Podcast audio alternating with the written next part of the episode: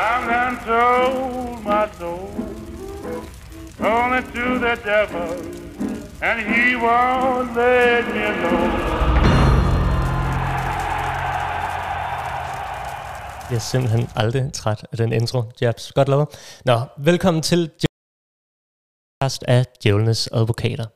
Det her det er formatet, hvor vi dissekerer og analyserer spillet på banen for at blive klogere på vores allesammens elskede klub, Manchester United. I dag skal vi beskæftige os med de bæreste gelæder på banen, mere specifikt midterforsvaret og hvilket makkerpar, der er det stærkeste, vi kan mønstre. Til det formål har jeg heldigvis fået selskab af to United-fans, der ved meget mere om fodbold, end jeg selv gør. Den første er Mathias Mølsted, der har været med et par gange før. Og øh, Mathias, til dem, der ikke skulle kende dig, har du ikke lyst til bare lige at øh, fortælle et par ord om dit udgangspunkt for at være med i det her format? Jamen, jeg er modsat andre, der er med i det her format, øh, ganske autodidakt. Jeg øh, kan ikke tage fem på foden, og har ikke trænet på noget meningsfuldt øh, niveau.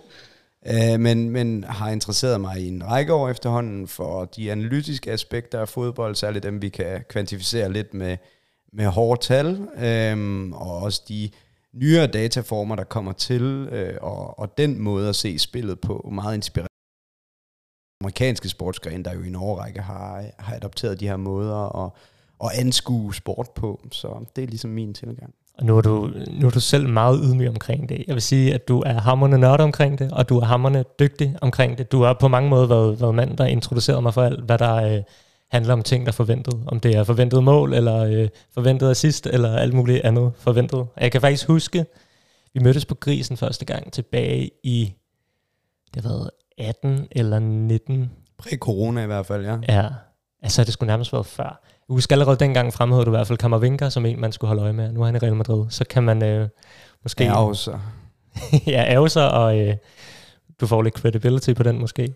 Og så har vi øh, sammen også Markus Dagny med, der er nytilkommen og udgør sidste del af denne her øh, kvartet, I jo efterhånden er i, øh, i Djævlen i detaljen. Vil du ikke også lige uh, sætte et par ord på dig selv? Jo, altså øh, hvis vi lige starter i United-regi, altså nu er jeg halv valiser og har boet nogle år i Wales og England, så er fodbold kommet meget tidligt under huden. Det fyldte alt, især når der var FA Cup finaler og sådan noget. Ikke? Øh, så også, min far var trods alt ikke United-fan, men, men gav mig og min, mine brødre muligheden for ligesom at holde med de klubber, man nu engang synes var interessante. Og lige der, der som, øh, som han vil lise, Mark Hughes var rigtig stor, og lige pludselig kom øh, Smeichel til, og så kom Cantona, og altså det ene med det andet.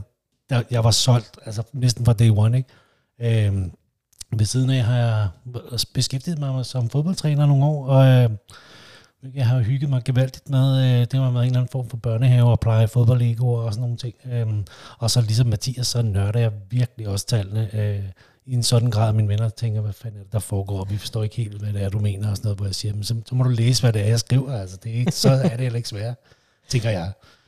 Så, øh, så det er godt, at vi kan bruge dig her i, øh, i den her sammenhæng. Og der, øh, hvis jeg ikke forstår dig, så gør Mathias i hvert fald. så, så kan I videreformidle måske. Hvis vi holder det på dansk eller engelsk. Walisisk, der er lidt uh, utrygt. Jamen, der kan jeg heller ikke. Det var jeg Der står jeg også i. Se min bedsteforældre står i der.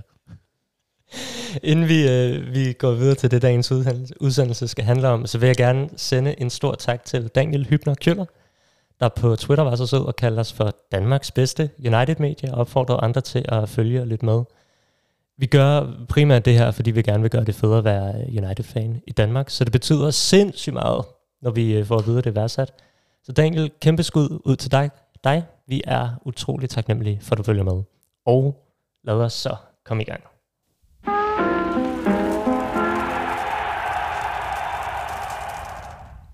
Godt. Nu skal det handle om forsvarsspillere. Og noget af det første, jeg kommer til at tænke på i den her sammenhæng, det er, et, en, når jeg diskuterer forsvarsspillere med folk, så en sætning, jeg relativt ofte støder på, er, en midterforsvars primære opgave er at forsvare.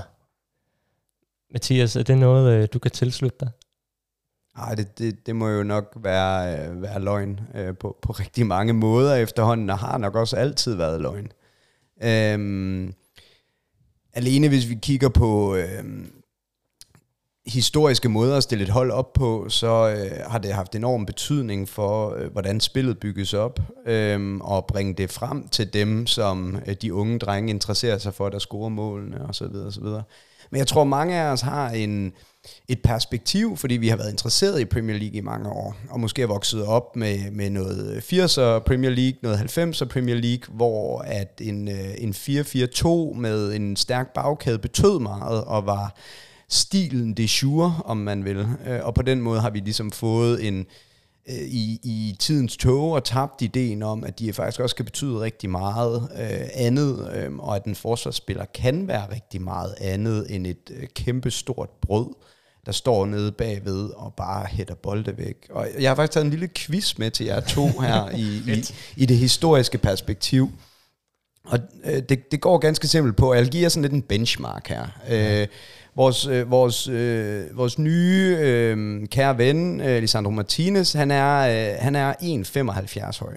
Mm. Øh, jeg har to øh, sådan giganter med til jer, og jeg vil gerne have, at I gætter højden på de her to giganter. Den første gigant... Øh, og jeg vil næsten gætte giganten, jo. Ja, ja, kan det.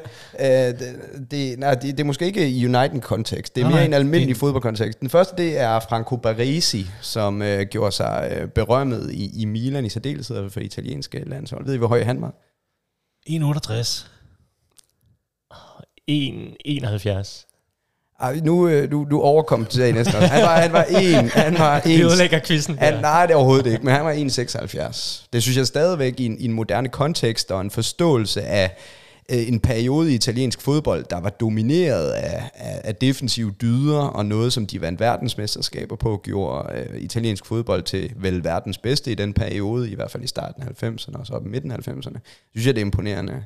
Den anden spiller, jeg har med til, at det er, øh, det er Cannavaro, yeah. som har vundet en Ballon d'Or, vel mærke. Mm. Som en af de få forsvarsspillere, vel? Ja, vel at mærke, ikke? Som var ham, jeg ville have skudt ud med og sagt, det er helt sikkert den ene gigant. Uden tvivl. Altså, han, er, han viser jo, at det, selv for 20 år siden er det vel efterhånden, at man kan godt være en forsvarsspiller på trods af ens højde. Hvor høj er han? Han er 1,76 også. Okay. Så altså, øh, det, det, det er bare sådan lige noget historisk kontekst til. Du kan godt være en, øh, måske ikke fysisk gigant, men en fodboldmæssig øh, gigant, øh, uanset at du ikke runder de 1,80 øh, på, på de der meget centrale positioner. Så Nå, det, det, det var mest bare lige for at give sådan en, en, en, en sådan kontekst af, at jeg tror, der er nogle ting, der sådan nogle gange forstyrrer vores billede af forståelsen af, at en forsvarsspiller skal først og fremmest øh, forsvare, fordi der både er masser af, hvad kan man sige, historisk øh, belæg for, men, men også almindelige sådan, øh, hvis man sætter sig ned og ser kampe fra den gang, der ligesom øh, berettiger en i at sige, nej, en, en forsvarsspiller skal absolut ikke kunne forsvare. Men øh, sådan øh, mere almindeligt, så må man jo sige, det er selvfølgelig en central pligt for dem, og det vil også være naivt at begynde at øh, hoppe helt på en vogn, der så siger, de er, de er i og for sig bare glorificerede midtbanespillere, for det er de jo heller ikke. Ja, for jeg skulle til at sige, at jeg, var, jeg er egentlig tilbøjelig til at være lidt uenig, for jeg mener stadig, at en forsvarsspillers primære opgave er at forsvare, men nu til dags forventer man bare og forlanger langt mere af en forsvarsspiller. Øh, så kan man sige, nu nævner du to øh, italienske giganter, som trods alt kun del mere med en bold end de fleste, men og, og havde forskellige typer af dyder på trods af deres højde. Hvad er det for nogle ting, man mere forventer af dem, udover at de skal forsvare? Jamen nu til dags, altså nu kan, vi, nu kan man sige, øh, nu snakker vi netop om i 80'erne og hvad det ellers var, ikke? hvor du har nogle tunge klodser, der reelt set bare skulle rydde op og var skraldemænd. Og, og jeg må indrømme, jeg elsker stadig, når man ser FA Cup eller lignende, at se uh, sådan en rigtig klassisk engelsk midterforsvar, der egentlig ikke dur til en skid andet end at sparke bolden væk, eller hætte den væk, eller øh, nikke en skalle, hvis det er det, der skal til. Men nu til dags, der skal du kunne have bolden på fødderne, og du skal kunne fordele bolden, du skal kunne være rolig på bolden. Øh, jeg ved ikke, om I kan huske, og nu er det ikke, fordi vi skal snakke Liverpool-spillere, men da Daniel Akker kom frem i Brøndby og røg til Liverpool, der tænkte jeg, hvorfor fanden hentede United ikke ham? Fordi det var en fremtidig forsvarsspiller. Altså, det var en mand, der kunne på bolden, som var kølig, som øh, var velovervejet i, sin, i mange af sine beslutninger. Øh, virkelig en meget moderne forsvarsspiller. Jeg, jeg synes, din pointe, jeg, jeg forstår din uenighed, Markus, men, men det retoriske spørgsmål, jeg nok stiller mig selv i den kontekst, det er også, og når du så fremhæver FA-koppen for eksempel, så spiller du nok også mod et hold, hvor den primære opgave måske for, for samtlige 11 er at forsvare sig. Og der må man så sige, hvor mange procent af en kamp er et hold, som må have Premier League-vinder aspirationer? Hvor mange procent af en kamp er de på bolden, og hvor mange procent er de egentlig i forsvarssituationer? Og så, så må jeg med den hat på udfordre din pointe omkring, er din primære opgave, ja, positionelt er din primære opgave at forsvare. Enig. Men hvis vi tager det som en andel af kampen, hvad er det så, at din jobbeskrivelse egentlig går på? Hvis vi sådan sidder og måler i minutter, du egentlig gør det ene og det andet. Og der må man bare sige, moderne fodbold kræver et hold, der vil vinde en liga, at de kan øh, spille rigtig meget bold. Og så ikke dermed sagt, øh, man kan have sidste års Champions League-vinder i tanken her. Real Madrid gjorde det jo flot med en relativ reaktiv tilgang, så det, det har stadig en kæmpe værdi, forstå mig ret. Men, men jeg tror, det er vigtigt at finde netop balancen i det, vi egentlig sidder og diskuterer her, øh, som er de der forskellige dyder, og så finde nogle profiler, hvor man ligesom må sige, du er måske bedre til det ene end det andet. Hvad synes vi så om dig? Kan man, kan man så snakke om, at, at, at på tophold, der bliver de forsvarsmæssige evner måske virkelig mindre vigtige? At der er nogle andre ting, der, hvis man sådan skal prioritere, hvad er vigtigst for en midterforsvarer? Ja, det, det kan man jo godt sige, men, men det, der gør det svært, det er så ligesom også at sige, hvilke spilsituationer er det så, at det er vigtigt at være en god forsvar? Fordi det er ikke de samme dyder, der gør sig gældende for øh, vores eksempel fra før med Markus, med med øh, et, øh, et øh, championship-hold, der skal forsvare sig mod et tophold i Premier League øh, i en FA Cup, som det er, hvis øh, man skal spille restforsvar, fordi man nu forsvarer sig en ud af de fire gange, man kommer til at forsvare sig mod et kontraangreb i en kamp. Det, det, det er jo ganske forskellige evner, man må sige. Det kræver af en forsvarsspiller, og måske endnu mere i endnu højere grad Hvordan undgår man, at det bliver mere end de der fire situationer? Hvordan har man den forudsenhed? Og det kommer vi jo så tilbage til med Ten Hag specifikt, hvad han egentlig kræver sine spillere. Ikke? Altså man kan jo også sige, at øh, øh, en forsvarsspillers øh, fodboldrollen på banen har jo også ændret sig i takt med, at spillet generelt har ændret sig, og lige så vel den, den nærmeste modstander, angriberen. Altså der er ikke noget, der hedder en falsk nier på samme måde, som man ser i dag. Du havde måske netop en, øh, en en to meter høj gut, der stod op en Peter Crouch eller en Emil Heskey eller noget. Vi skal virkelig ikke snakke Liverpool-spillere, men altså de her to meter høje fodboldspillere, som han bare bankede bolden op på, og, og så en eller anden lille øh, hurtig væver ved siden af. Og, og nu til dags, så ser du netop en, en fast nier, eller i hvert fald en angriber, der søger ned i banen, og dermed bevæger sig ud af sin zone, ud af sine positioner. Ikke bare en eller anden klassisk boksspiller. Altså forestil dig at spille mod Atletico Madrid, og så har du øh, Connor Cody, eller et eller andet. Altså så får du nogle gevaldige problemer. Ikke? Ja, og som vi så forleden mod Brighton, så sidder man jo også nu i trænerlokalerne og, og analyserer kampe, forbereder sig til kampe på en helt anden måde, end man gjorde i, i gamle dage i Premier League. Så hvis det er, at man ser en fordel i at spille langt i fase 1 for eksempel, og prøve at udfordre de der centerback, så man kan finde noget øh, grønt græs øh, bag den forsvarslinje tidligt, jamen, så er det lige pludselig også en del af at forsvare. Det er at kunne øh, være sikker på at vinde den øh, allerførste duel der, eller i hvert fald sikre anden bolden derefter som hold. Og hvis det ikke er vejen frem, hvis øh, et modstanderhold ved, det, det kommer aldrig til at fungere, jamen, så spiller man måske kort ud, og så, øh, så er forsvarsopgaven for, for centerback lige pludselig en helt anden. Ikke? Mm. Så øh, på den måde, så det, det, det er, øh, og det, det er en banalitet at konstatere, men det er blevet en kompleks opgave jeg at være synes, Jeg synes faktisk, altså, det er en ret øh, vigtig pointe, fordi at man kan sige, før i tiden havde du netop forsvarsspillere, som egentlig bare skulle af med bolden på den ene eller den anden måde. Så var næsten ligegyldigt, om de sparkede 80 meter langt, eller om de spillede den nærmeste mand. Ikke? Hvor i dag, jeg kunne forestille mig, jeg ved ikke, om der er statistikker tilbage fra 80'erne og 90'erne, men i dag må, må forsvarsspillerne generelt have langt større ballpossession. Altså jeg mindes også øh, at have læst med, øh, nu kommer vi ind på Martinez senere, øh, men Martinez er vist, sådan som jeg husker det, og har aflæst det, den spiller, der er mest på bolden, da han spillede i Ajax. Og det er ikke i Ajax, men i ligaen. Mm. Altså den spiller, der har allermest ball possession per kamp. Altså det, er jo, det, er jo, det siger noget om, hvordan fodbolden har rykket sig, og hvordan nu spiller han også på et tophold, der og spildominerende og sådan nogle ting.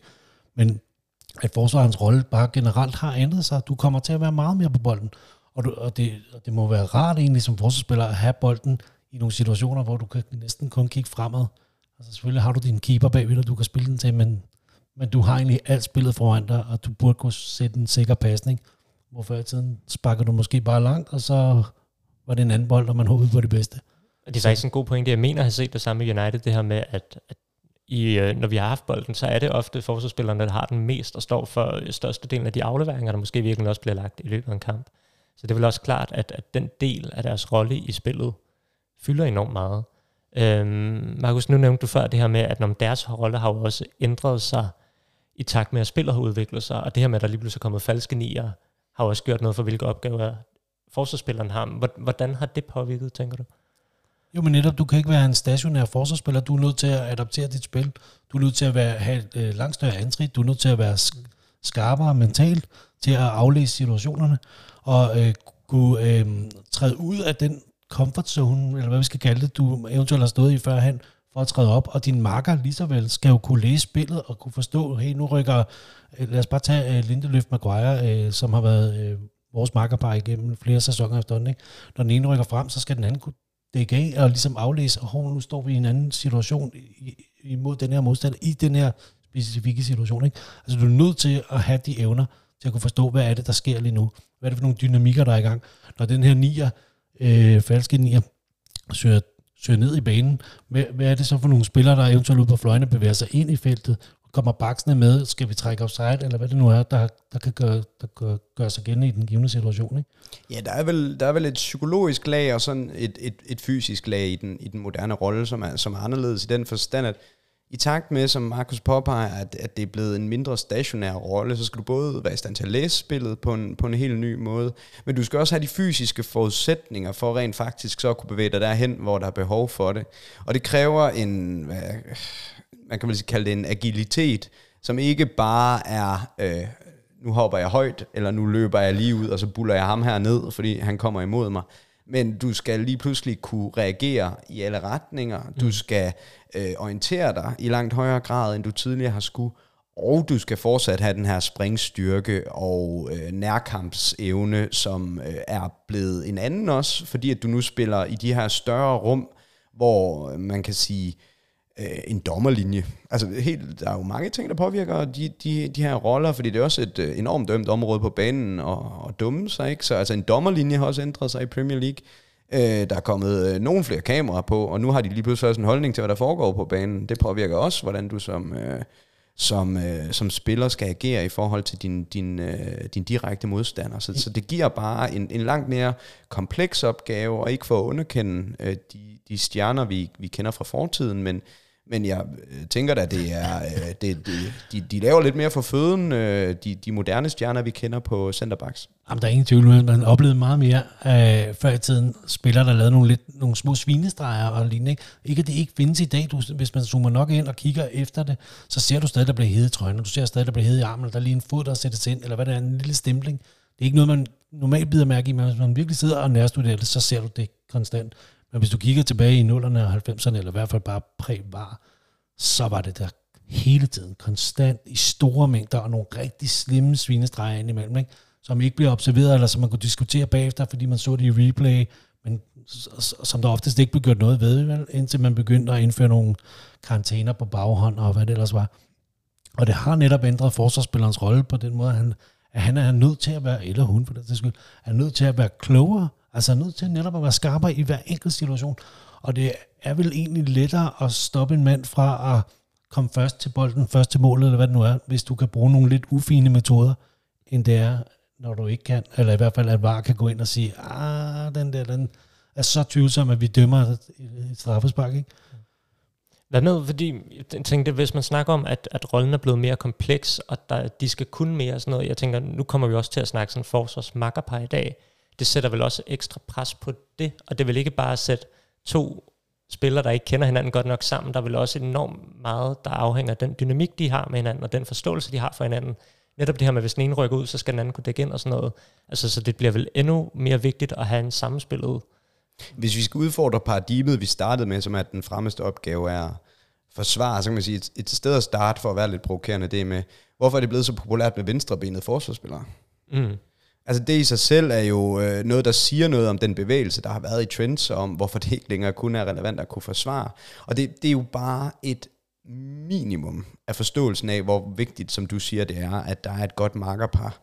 Øhm, en, en analytiker på Twitter, som jeg synes er, er, er lidt sjov, og han, han har udviklet et begreb, der hedder at have en uh, dog and a cat. Øhm, og det, det, det er egentlig meningsfuldt at forstå det på den måde, hvor rigtig mange forsvarsmakkerpar bliver jo sat sammen med den, øh, hvad kan man sige, sådan øh, tænkning omkring en mere agil, bevægelig forsvarsspiller, og så et jern ved siden af, der ligesom står for noget stålet, og så er det måske den mere agile spiller, der bygger lidt mere op, og den anden bygger måske også op, men i en lidt mere stationær øh, rolle, som skifter lidt med sekseren. Der kan være mange måder at bygge det op på. Ikke? Mm. Så, det, og det er måske en meget meningsfuld måde at se rigtig mange forsvarsmarkerpar, som, som er dog and a cat. Ikke?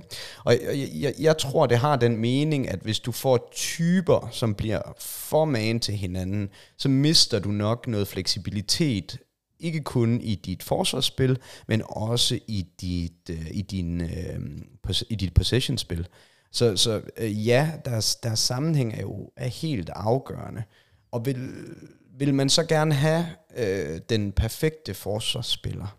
Ja, det vil man gerne. Og det, det her, det, det er måske det, jeg sådan lidt, når man snakker om typer, og man snakker om en dog and a cat i, øh, i forsvarsspillet, det er, at når du sidder som sportsdirektør, så er du også nogle gange nødt til at finde ud af, hvad, hvad er egentlig tilgængeligt på markedet. Og det er sjældent let at finde en, der besidder samtlige gode kvaliteter i verden. Så du er jo ofte nødt til ligesom at sige, hvad er dine spidskompetencer? Altså, må jeg, må jeg, undskyld, jeg. Jeg synes, der er nemlig et ret interessant element her også, ikke? fordi øh, nu snakker vi netop om, at en, en moderne forsvarsspiller skal simpelthen kunne noget med bolden, ikke? skal være langt dygtigere med bolden, end hvad man skulle førhen. Men du vil stadig gerne have, ønskværdigt i hvert fald, øh, to spillere, som netop er dog and cat cover og stopper, eller hvad du vil kalde dem.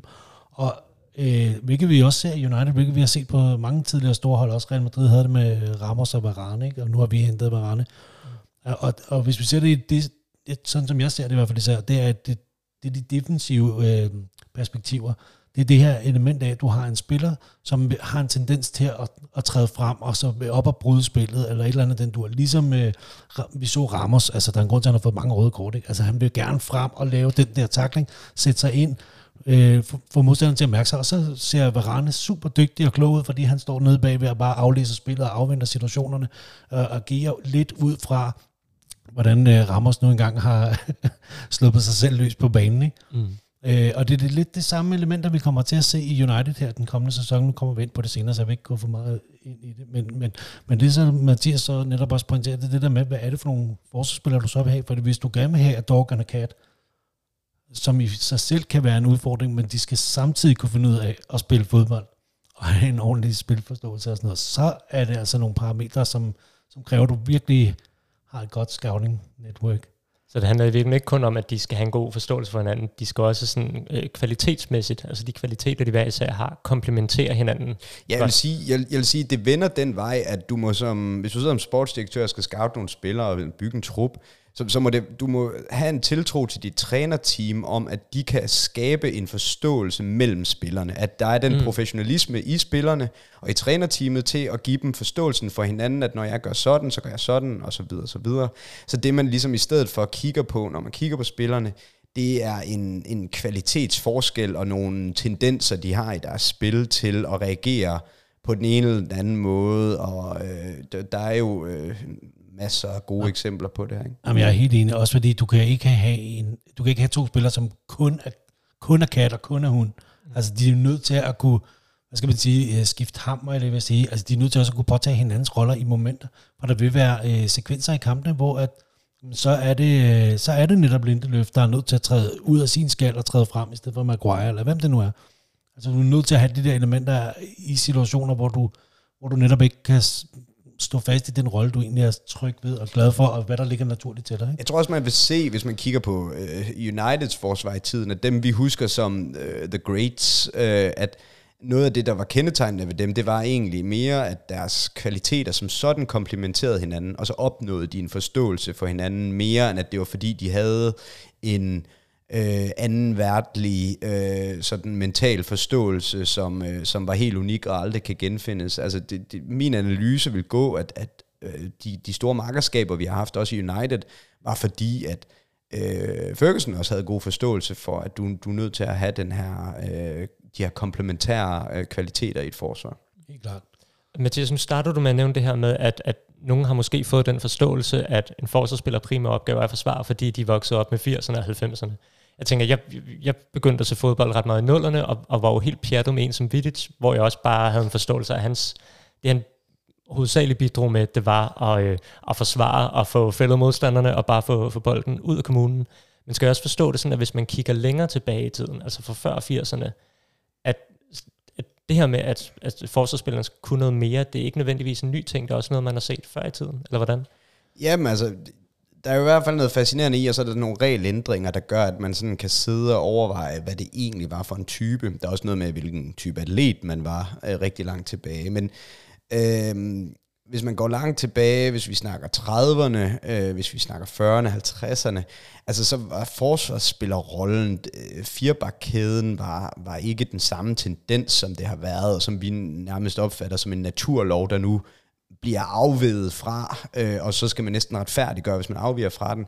Der var det med, med setups, der øh, havde øh, noget, der ligner øh, to mand i forsvaret, hvor man vil beskrive det som en to, tre, et eller andet længere fremme, fordi at der simpelthen var to, der spillede en, en central rolle som de bagerste to, en sweeper-rolle. Ikke? Altså, der har jo også været øh, senere endnu, så har man haft en, en decideret sweeper-rolle, at man ligesom havde den der enkelte spiller, der kunne, øh, der kunne ligge dernede, som øh, også var en forsvarsspiller bevares, men, men altså en, en Beckenbauer må jo være øh, type eksemplet her, ikke?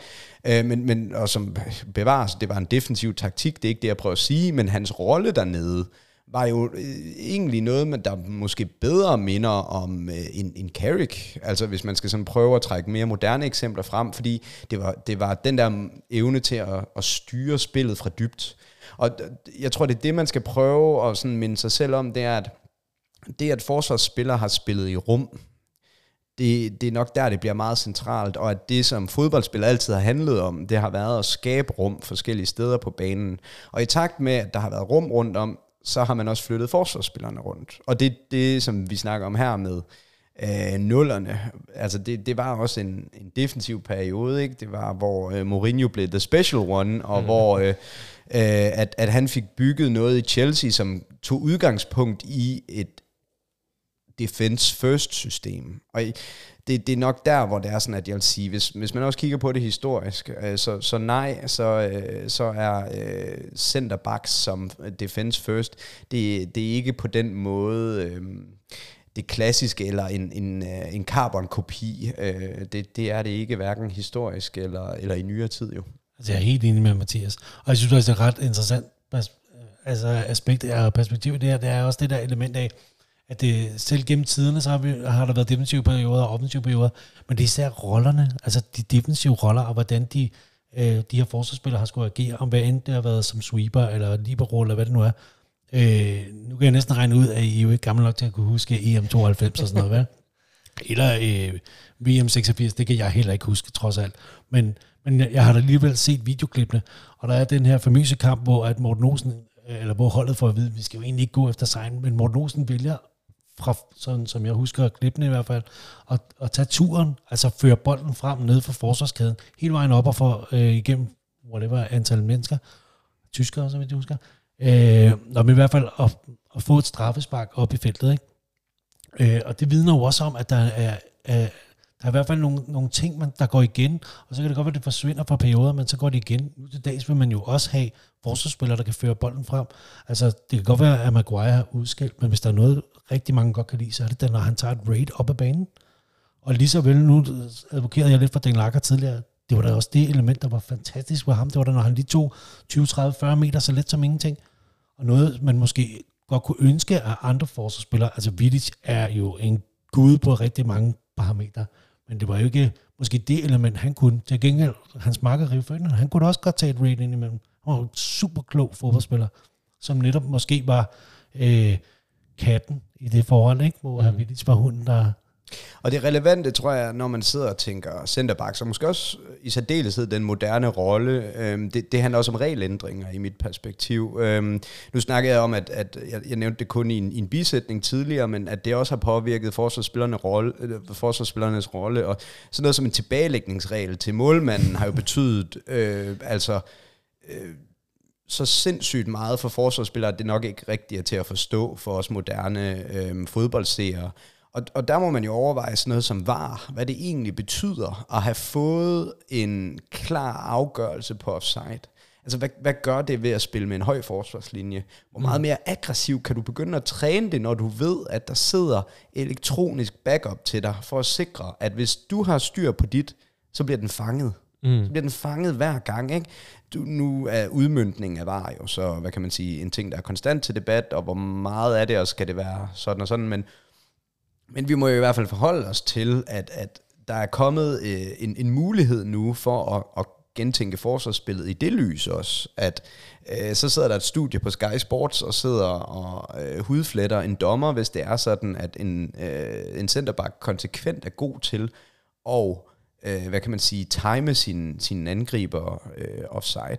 Og alle de her små ting er med til at påvirke, øh, hvad kan man sige, centerbackens rolle på en, på en meget interessant måde, der gør, at øh, forsvarsspillet er en, øh, en, øh, hvad kan man sige, øh, det, det er en rolle, der skifter meget også, selvom vi snakker om, at det er den primære rolle.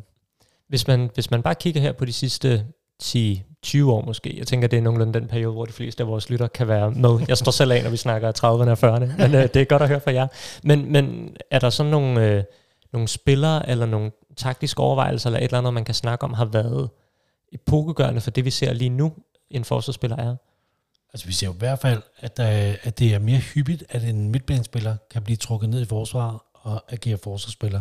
Mm. Og det, jeg tror også, det har noget at gøre med, at du skal have en, altså netop det her med, at du skal have en boldspillende forsvarsspiller. Det, det er du efterhånden nødt til, i hvert fald på topniveau, ikke? Øh, så, og, og du ser jo, lad os bare tage et konkret eksempel af en United-spiller, McTominay, som vi måske ikke øh, ser det store lys i som pasningsspiller, men når han spiller for Skotland, så bliver han trukket ned i forsvar. Mm. Altså fordi de, de har jo sandsynligvis stadig de gamle dider af forsvarsspillere, men vil egentlig også gerne have en spiller, der trods alt kan finde ud af at føre bolden frem, eller spille øh, nærmeste mand, eller længere aflevering, eller lignende. Ikke? Men hvorfor begyndte den tendens at opstå, at man hæver forsvarsspillerne ned? Ja, fordi det, Eller det er jo sådan nok det, hvis man skal tale i epoker, så vil, så vil jeg sådan, hvis vi skal starte i et helikopterperspektiv, nok sige, altså Fergusons succes i, i slut 90'erne var en, en epoke for sig med men det han lavede der, skulle vi snakke om, det var en 4-4-2, eller hvad det egentlig var. Det var det jo nok ikke helt med hans fleksibilitet. Og så kommer Mourinho, der bringer en 4-2-3-1 ind, som ændrer forsvarsspillet ret meget, fordi at du de facto ender med at have nogle øh, backs, som er meget mere frigjorte, fordi du har de her to dybliggende midtbanespillere, der ender med at være et skjold for forsvaret i vidt omfang. Og det, det ender jo egentlig med på mange måder, så er der mange sådan, øh, hvad kan man sige, krusninger i vandet i en periode, men det ender jo faktisk med at være en, en, en, sådan, øh, en regel, eller i hvert fald et formende princip i mange år, indtil at, øh, og det kan godt være, at jeg tager fejl her, men, men at jeg tænker nærmest, at det første er med øh, sådan en som Guardiola, at vi virkelig får skub i at ændre på, på tingene, hvor man begynder at forstå forsvaret anderledes. For eksempel, øh, inverted backs og øh, alle de her øh, ting, hvor at forsvarsspilleren så skal splitte ud, og der kommer en, en ned og så videre. Men det er jo ikke mere tilfældet, end at Wenger jo også gør det tidligere og adopterer nogle af de principper. Sådan. Så det er nok en mere flydende overgang. Men, men jeg tror, at det er ligesom de, de tre epoker, jeg sådan ser som, som de dominerende. Altså først fra en mere, nogle mere flade linjer til en mere granuleret forståelse, hvor midtbanen interagerer med øh, centerbacks til, til hvor vi er nu, hvor det er en meget flydende rolle, hvor både backs interagerer, og øh, de dybliggende forsvarsspillere, øh, midtbanespillere interagerer med centerbacks. Fordi, Jamen altså, nu nævnte du jo selv i starten her Franco Baresi, øh, nu er jeg trods alt vokset op med fodbold i 90'erne, og jeg mindes faktisk også, at Franco Baresi gjorde sig rigtig meget gældende på midtbanen, inden han blev rykket ned, eller om han skiftede lidt undervejs. Han kunne i hvert fald begge dele, som jeg husker, han var meget sådan en type, der erobrede bolden, og det er måske også derfor, det har været nærliggende at proppe ham ned i forsvaret, fordi øh, du, hvis du kommer i nærheden af ham, så mister du sådan set bolden, så om man var midtbanespiller eller forsvarsspiller, måske ikke det mest essentielle. Men jeg husker det også, at Carrick, øh, han, under Ferguson, han blev også rykket ned i forsvaret nogle gange, mm. øh, og, og han har da selvfølgelig været besiddelse af nogle defensive evner, men det må da klart have været, fordi han kunne øh, agere en leder, og han kunne øh, nogle ting med bolden, som man måske ikke forventede af Silvestre, eller hvem det nu var, der var der dengang. Øh, det er helt mærkeligt at tænke på, hvem der var der dengang. Men, ja.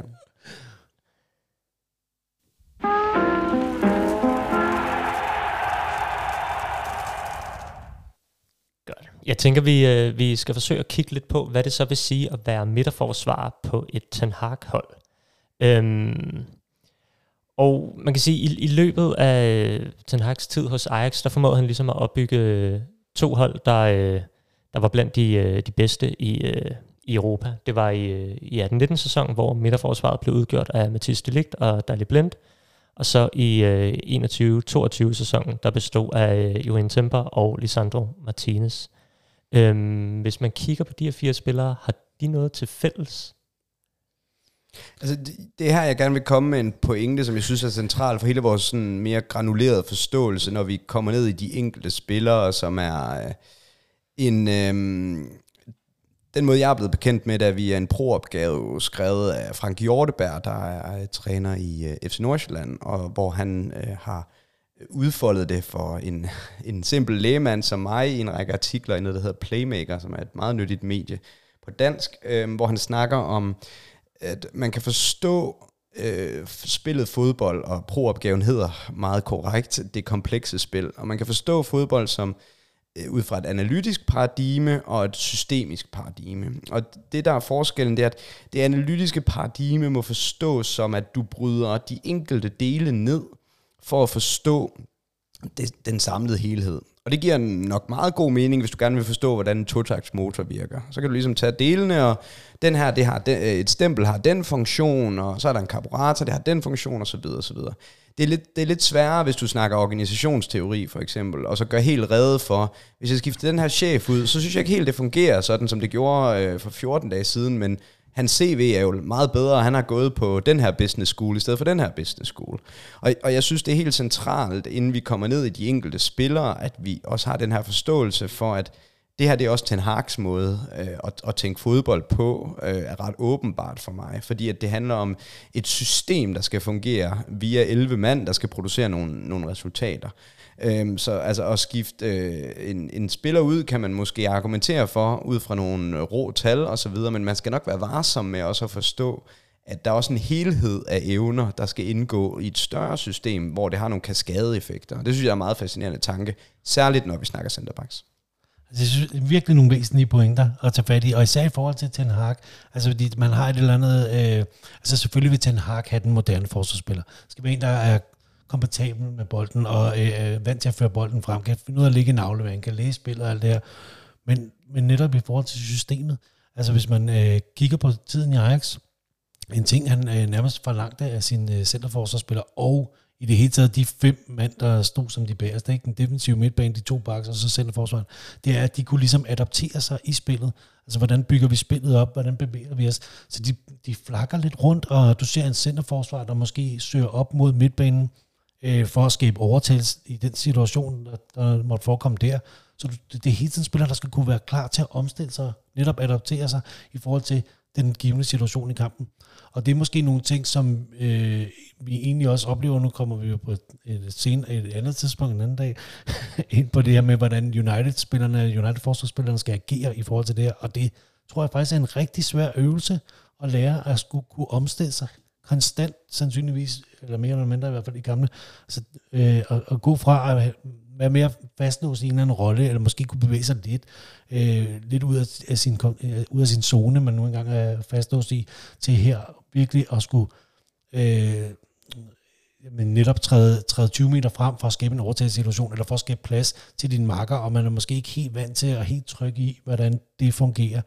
Øh, og det er noget, jeg synes, at han har været rigtig dygtig til i Ajax, og hvis han ikke har været tilfreds med de spillere, der har været, så er de rådet lynhurtigt ud på porten. Og efter alle de akademiske knæbøjninger, så det er jo ikke fordi, vi ikke vil give noget, men, men jeg synes bare, det er et væsentligt perspektiv, mm. altså sådan at have med i forståelsen af det her, fordi selvfølgelig er der nogle ting, der ligesom har været fællestegnende, fordi de typer, han har haft, og øh, nogle af, nogle af de ting, jeg synes, der er værd at trække frem i, i de typer, han klassisk har, øh, har brugt, det, det har været øh, en evne til at være øh, proaktiv i sit forsvarsspil. Det har været en evne til at øh, være agil på banen, have en, øh, hvad kan man sige, en, en vertik, nej, en, øh, en, en agilitet, som er i øh, plan med banen. Altså det handler ikke om at kunne hætte øh, bolde langt væk, men det handler om rent faktisk at kunne forfølge det en stik, der siger, hvis jeg nu bryder den her bold, så kan det være super godt for spillet.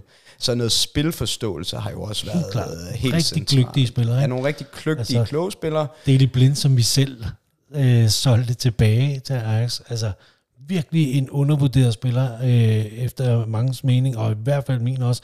Altså, jeg, jeg, ham er jeg faktisk på nogle måder lidt ked af, at vi gå, men nu vel, det er Premier League, og det kan være svært, og der kan være træner og skifter og alt sådan noget. Men han bevist om nogen i Ajax, hvor dygtig en fodboldspiller han egentlig er. Og Lisandro, som vi så har hentet siden han, øh, viser jo også, at han er enormt kløgtig fodboldspiller, fordi hvis du er 1,75 høj, øh, Premier League eller Æres Division, så skal du trods alt kunne besidde virkelig mange øh, evner for at kunne, øh, hvad skal man sige, ikke komme til kort. Ja, fordi en af de andre centrale evner, vi også har set i hans, i hans udvalgte typer, har jo så været teknikken til at omsætte den her tanke til handling. Ikke? Altså, at hvis du nu rent faktisk får jaget bolden ned, eller den anden marker gør det, at du så har en marker, der kan omsætte det til en øh, lang bold ud på Anthony, eller hvem det måtte være, der sprinter op af en, øh, en kant, eller tager et itch i midten, der har fundet sig et, et mellemrum med luft. Så altså også, hvad kan man sige, spilteknikken til øh, igen bolden i græsset og omsætte det rent faktisk til noget, der, der er produktivt som øh, progressive pasninger. Helt klart. Og så må, og jeg må, vil også lige tilføje, altså du ser også netop, øh, lad os tage Sandro Martinez, vi har hentet. Altså han er, har både spillet centerforsvaret, venstre bak, han har spillet defensiv midt for Ajax. Dele Blind, det er vel mere eller mindre de samme roller. Timber, som der var snak om, at vi skulle hente. Øh, det mest imponerende ved ham, efter min mening, er jo, at det er en ung mand, som han har været med til at forme og kunne få sat ind i det system og de, den filosofi, han nu engang har for forsvarsspillerne. Og det er jeg lidt spændt på, om det er noget, der kan drive sig videre i United med nogle af vores unge, unge talenter. Nu snakkede jeg om, om hunde og katte før, og når jeg sådan umiddelbart lige tænker på, på både Timber og Martinez, så, så ser jeg dem mest som dogs. Foretrækker han i virkeligheden at have to spillere af den type? Eller vil han, eller, Nej, jeg tror nærmere, det er cats. Altså er sådan nogle, ja. nogle, nogle, nogle typer, som er vævre, som kan komme rundt på banen, som har evnen til at omsætte spillet til, øh, hvad kan man sige, nye angreb og så videre. Øhm, og og det, det er en virkelig en god anke på vores princip fra tidligere, at det, det vil jeg egentlig godt medgive dig, og, og det er egentlig noget, jeg ikke sådan har tænkt så meget over tidligere. Øhm, at der er nok en, en fælles type hos ham, og så er vi tilbage til min pointe fra indledningsvis, som jeg lige pludselig bliver glad for, at jeg kom med, at han har jo så fundet det stål, hvis man skal prøve at blive lidt mere populær i sine analogier, det stål, det finder han så andre steder på banen. Øhm, for eksempel i sin midtbane, hvor han så har lidt mere en ankertype, der ligesom tager noget af, noget af det arbejde sammen med, sammen med en måske lidt let øh, centerback, øh, et, et lidt let, let centerback-par. Men hvad, fordi, hvis nu man kigger tilbage på, på 18-19 sæsonen, der har han jo Schöne og Frenkie de Jong på, på midtbanen, som ikke har så meget stål, men så får han måske det stål i ligt på det tidspunkt. Ja, det er nemlig det, ikke? Altså, der, der, noget af den fysik, han taber i den senere generation af forsvarsspillere, den, den har han nemlig. Der er noget, som, altså, der er mange forhold, der kommer omkring her, ikke? Fordi det her, det bliver også lige pludselig en Ten Hag-diskussion, som også handler og, og om en... Ajax-situation, ikke? Og en altså, Ajax-situation. Altså. Der, er en, der er en eller anden, øh, et populært udtryk, jeg skal prøve at se, om jeg kan oversætte det for lytterne, men en, man snakker om en tax, når man køber spillere fra andre ligaer, hvor man skal forstå, at der kommer en eller anden oversættelsesgebyr, fordi at deres evner måske ikke er de samme i Premier League. Og det må man jo nok sige med Ajax, at de har også nogle evner, som fungerer ekstremt godt, men de, de, de forstår jo også at forsvare på en måde, som også har virket i Champions League, for eksempel med deres nyeste generation, og også den forrige generation, han havde rigtig meget succes med. Men så er vi igen tilbage ved den her systemiske tænkning. De har jo så også et hold, der er forsvaret med alle 11 spillere, og jeg mener inklusiv deres øh, målmand. Altså det var alle 11 spillere, der forsvarede. Og der har vi lidt tendensen, som United-fans tror jeg stadigvæk at være fanget i. Forsvarsspiller først for en centerback. Ikke? Så altså, vi, vi tænker faktisk ikke, ser Maguire dum ud, fordi at der 5 sekunder før, og jeg siger vidderligt 5, øh, der var øh, Bruno Fernandes overivrig i hans måde at jage en spiller ned på, eller var Ronaldo doven i hans måde. Vi, vi, vi er ikke endnu skolet til at se Ten Hag spil, fordi vi har ikke været vant til det. Mm. Så på den måde, så det, det, det, er også, det kan lyde som et cop-out for forsvarsspillerne, og det skal det selvfølgelig ikke være. Altså så selvfølgelig skal de indgå i den, det her system, men det gør en forskel, når man vil spille systemisk, så gør alle delene i systemet en forskel. Ikke? Så han har også kunne tillade sig at have mindre stål, end vi normalt vil forstå det. Mm. Og hvad med, fordi mange har jo snakket om, at Maguire han kan ikke fungere for Ten Hag, fordi han er for langsom. Er, er det en valid pointe, eller kan Ten Hag's hold sagtens fungere uden fart fra midtforsvaret? Altså, jeg er decideret uenig. Jeg, sy- jeg, synes, jeg, jeg kan virkelig godt se, øh, hvorfor Ten Hag ser et ret stort lys i Maguire, på trods af manglende fart. Fordi det, Maguire trods alt bibringer, øh, det er jo, øh, hvad han kan med bolden. Og han er langt dygtigere, end hvad folk de giver ham credit for. Og han er faktisk ret undervurderet. Jeg, øh, I går aftes sad jeg lige og kiggede på, hvad er det egentlig, hvor er det egentlig, han stikker lidt ud? Fordi at jeg, har, jeg, har, jeg har ret stor tiltro til ham med bolden, og hvis han måske ikke, hvis han var lidt mere agil og ikke øh, så lidt klods ud, ville jeg faktisk vurdere, at han godt kunne spille def midt, som han gjorde, øh, da han kom frem i Sheffield United i sin tid. Øhm, det er pre-Hall, hvis I, øh, hvis I er tvivl. Nå, men i hvert fald, øh, Maguire har, øh, han ligger blandt, jeg tror det er 97-98 øh, procenttil i, i forhold til switches of play, og der snakker vi altså, hvor du, hvor du ligger en aflevering fra den zone, du nu engang er i, plus 40 yards, uanset, og typisk vil det jo så være øh, øh, vertikalt, ikke? Men, men det kunne egentlig også godt være fremadrettet.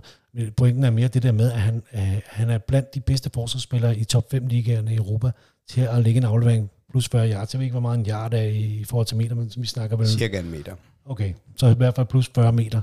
Og, og det er jo præcise afleveringer. Det er jo ikke øh, fejlafleveringer. Så at du har en spiller, der kan flytte spillet på den måde, som han kan, det tænker jeg er en kæmpe fordel. Og når du så samtidig har, øh, hvad det tyder på, en marker i Martinez, som jo ikke er så høj, men trods alt dygtig på låget og god til at komme op i luften, men ikke er så høj, og en Digerer, der ikke kan komme ud af det lille felt der, øh, så er du nødt til at have en Maguire, som trods alt også er blandt de allerbedste på låget, også i de top 5 ligaer, især til at vinde duellerne. Altså man kunne, man kunne nemt holde en separat podcast om Maguire, fordi han også er blevet, han er også blevet et symbol på frustrationer for United-fans, tror jeg. For jeg, jeg, jeg er enig med Markus, han, han bør være en nyttig spiller, øhm, fordi han netop har nogle kvaliteter, dels i sit afleveringsspil, men, men jeg vil også, øh, hvis vi skal snakke om possession-spil, rose hans evne til at bryde første linje af presset, som, som er enormt klar. værdifuld, og noget, som øh, vi jo ved, at øh, Ten Hag aktivt søger, fordi det er noget, det Frankie de Jong er sindssygt god til. Præcis. Det er at, med bolden ved fødderne, bryde en linje af spillet, og så på den måde øh, bringe det spillet i, i næste fase. Ikke? Men Maguire så det fra fase 1 til fase 2, og det er så ofte fra de Jong fase 2 til fase 3, det er sådan noget andet. Men, men de har helt sikkert nogle kvaliteter. Han har også nogle oplagte fysiske kvaliteter i standardsituationer, som alle moderne trænere må, må glæde sig over. Så der, der er sådan en masse gode ting ved ham. Så bringer du op, Svend, at han er ikke den, øh, den hurtigste til den der øvelse, hvor man ligger på maven og skal hoppe op og så vende sig rundt og, og løbe tilbage. Det er fuldstændig rigtigt. Ikke? Men der må man jo så spørge sig selv, når folk de vil anholde Markus og, og mit øh, argument her. Men han er jo nok heller ikke den, der skal bringes i den situation. Altså, Nej, han, han, skal, jo, han skal jo ikke ligge og spille restforsvar. Og, og må jeg lige sige, det er vel også derfor, at Ten Hag, han er jo smart nok, han ved jo godt, der er de udfordringer. Det er vel også, øh, nu valgt han så på venstre øh, bak. Øh, nu, jeg er sikker på, at han kommer tidligere at spille, end jeg troede for bare nogle få uger siden. Men Malaysia der, han kommer der ind på grund af hans fart. Og det er den samme situation, der sikkert vil gøre sig gældende på højre bakken over tid. Vi får en med langt mere tempo end Dalot. Jeg kan egentlig ret godt lide Dalot. Passer meget godt ind i systemet, men han, han mangler lidt på tempoet. Ikke?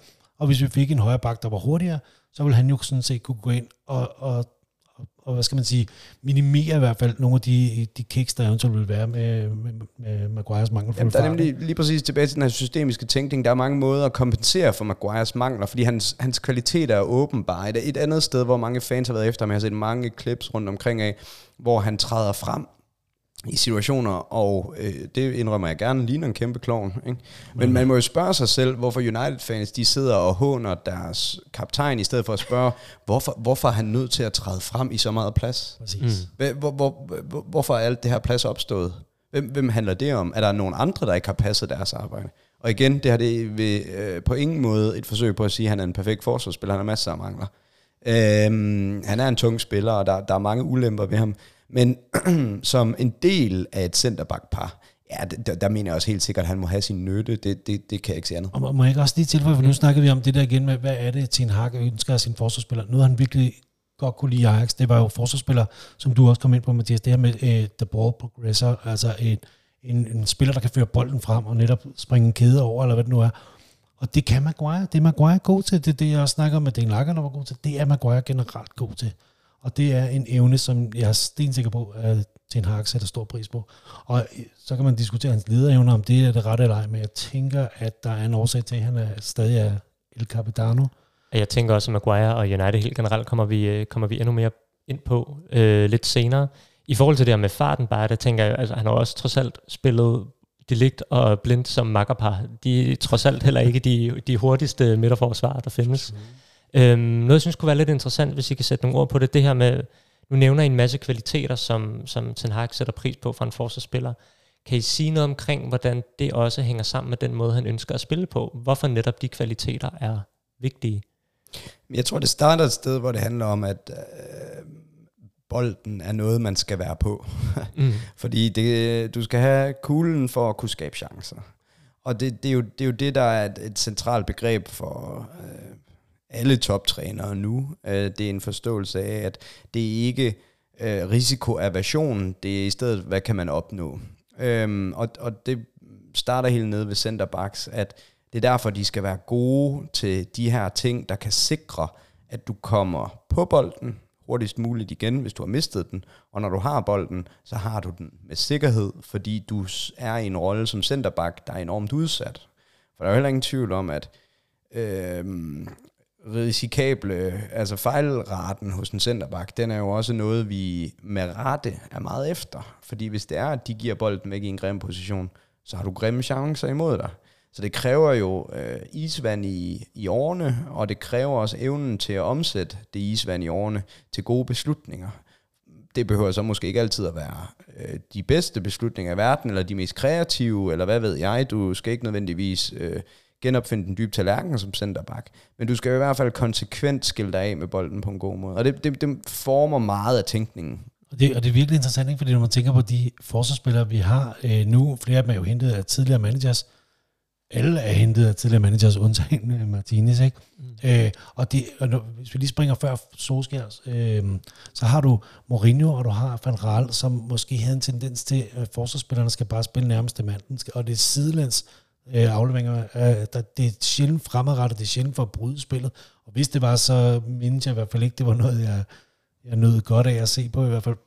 Jeg husker det virkelig som noget, øh, sådan noget safe play, der tog lang tid, hvor at her der, der bruger man netop øh, forsvarsspillerne pro, proaktivt. Du vil gerne frem, øh, frem hurtigt på banen, men på en relativt sikker måde. Ikke? Og du vil gerne have, at der bliver skabt plads ude på fløjene, så du kan skyde bolden derud hurtigst muligt og skabe nogle en mod en eller to mod en situationer.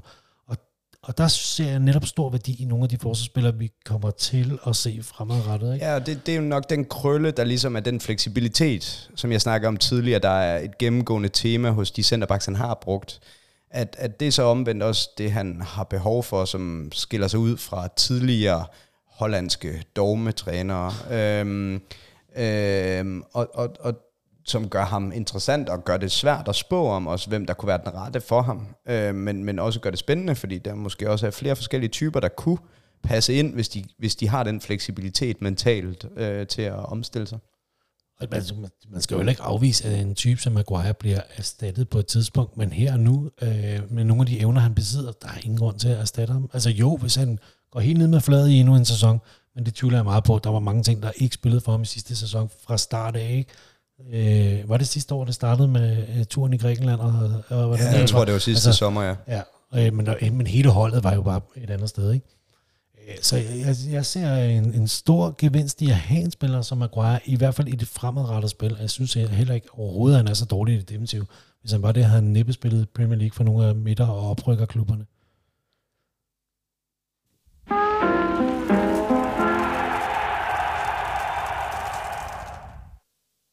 Det var første del af vores stykke ned i, hvad det kræver at være midterforsvar under Erik Ten Hag.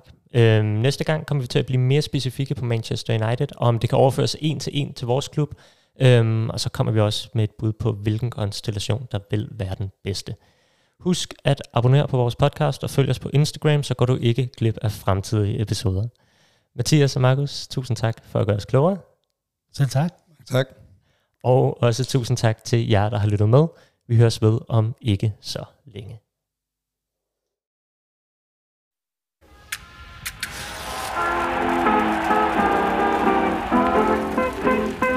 I'm done sold my soul it to the devil, and he won't let me alone.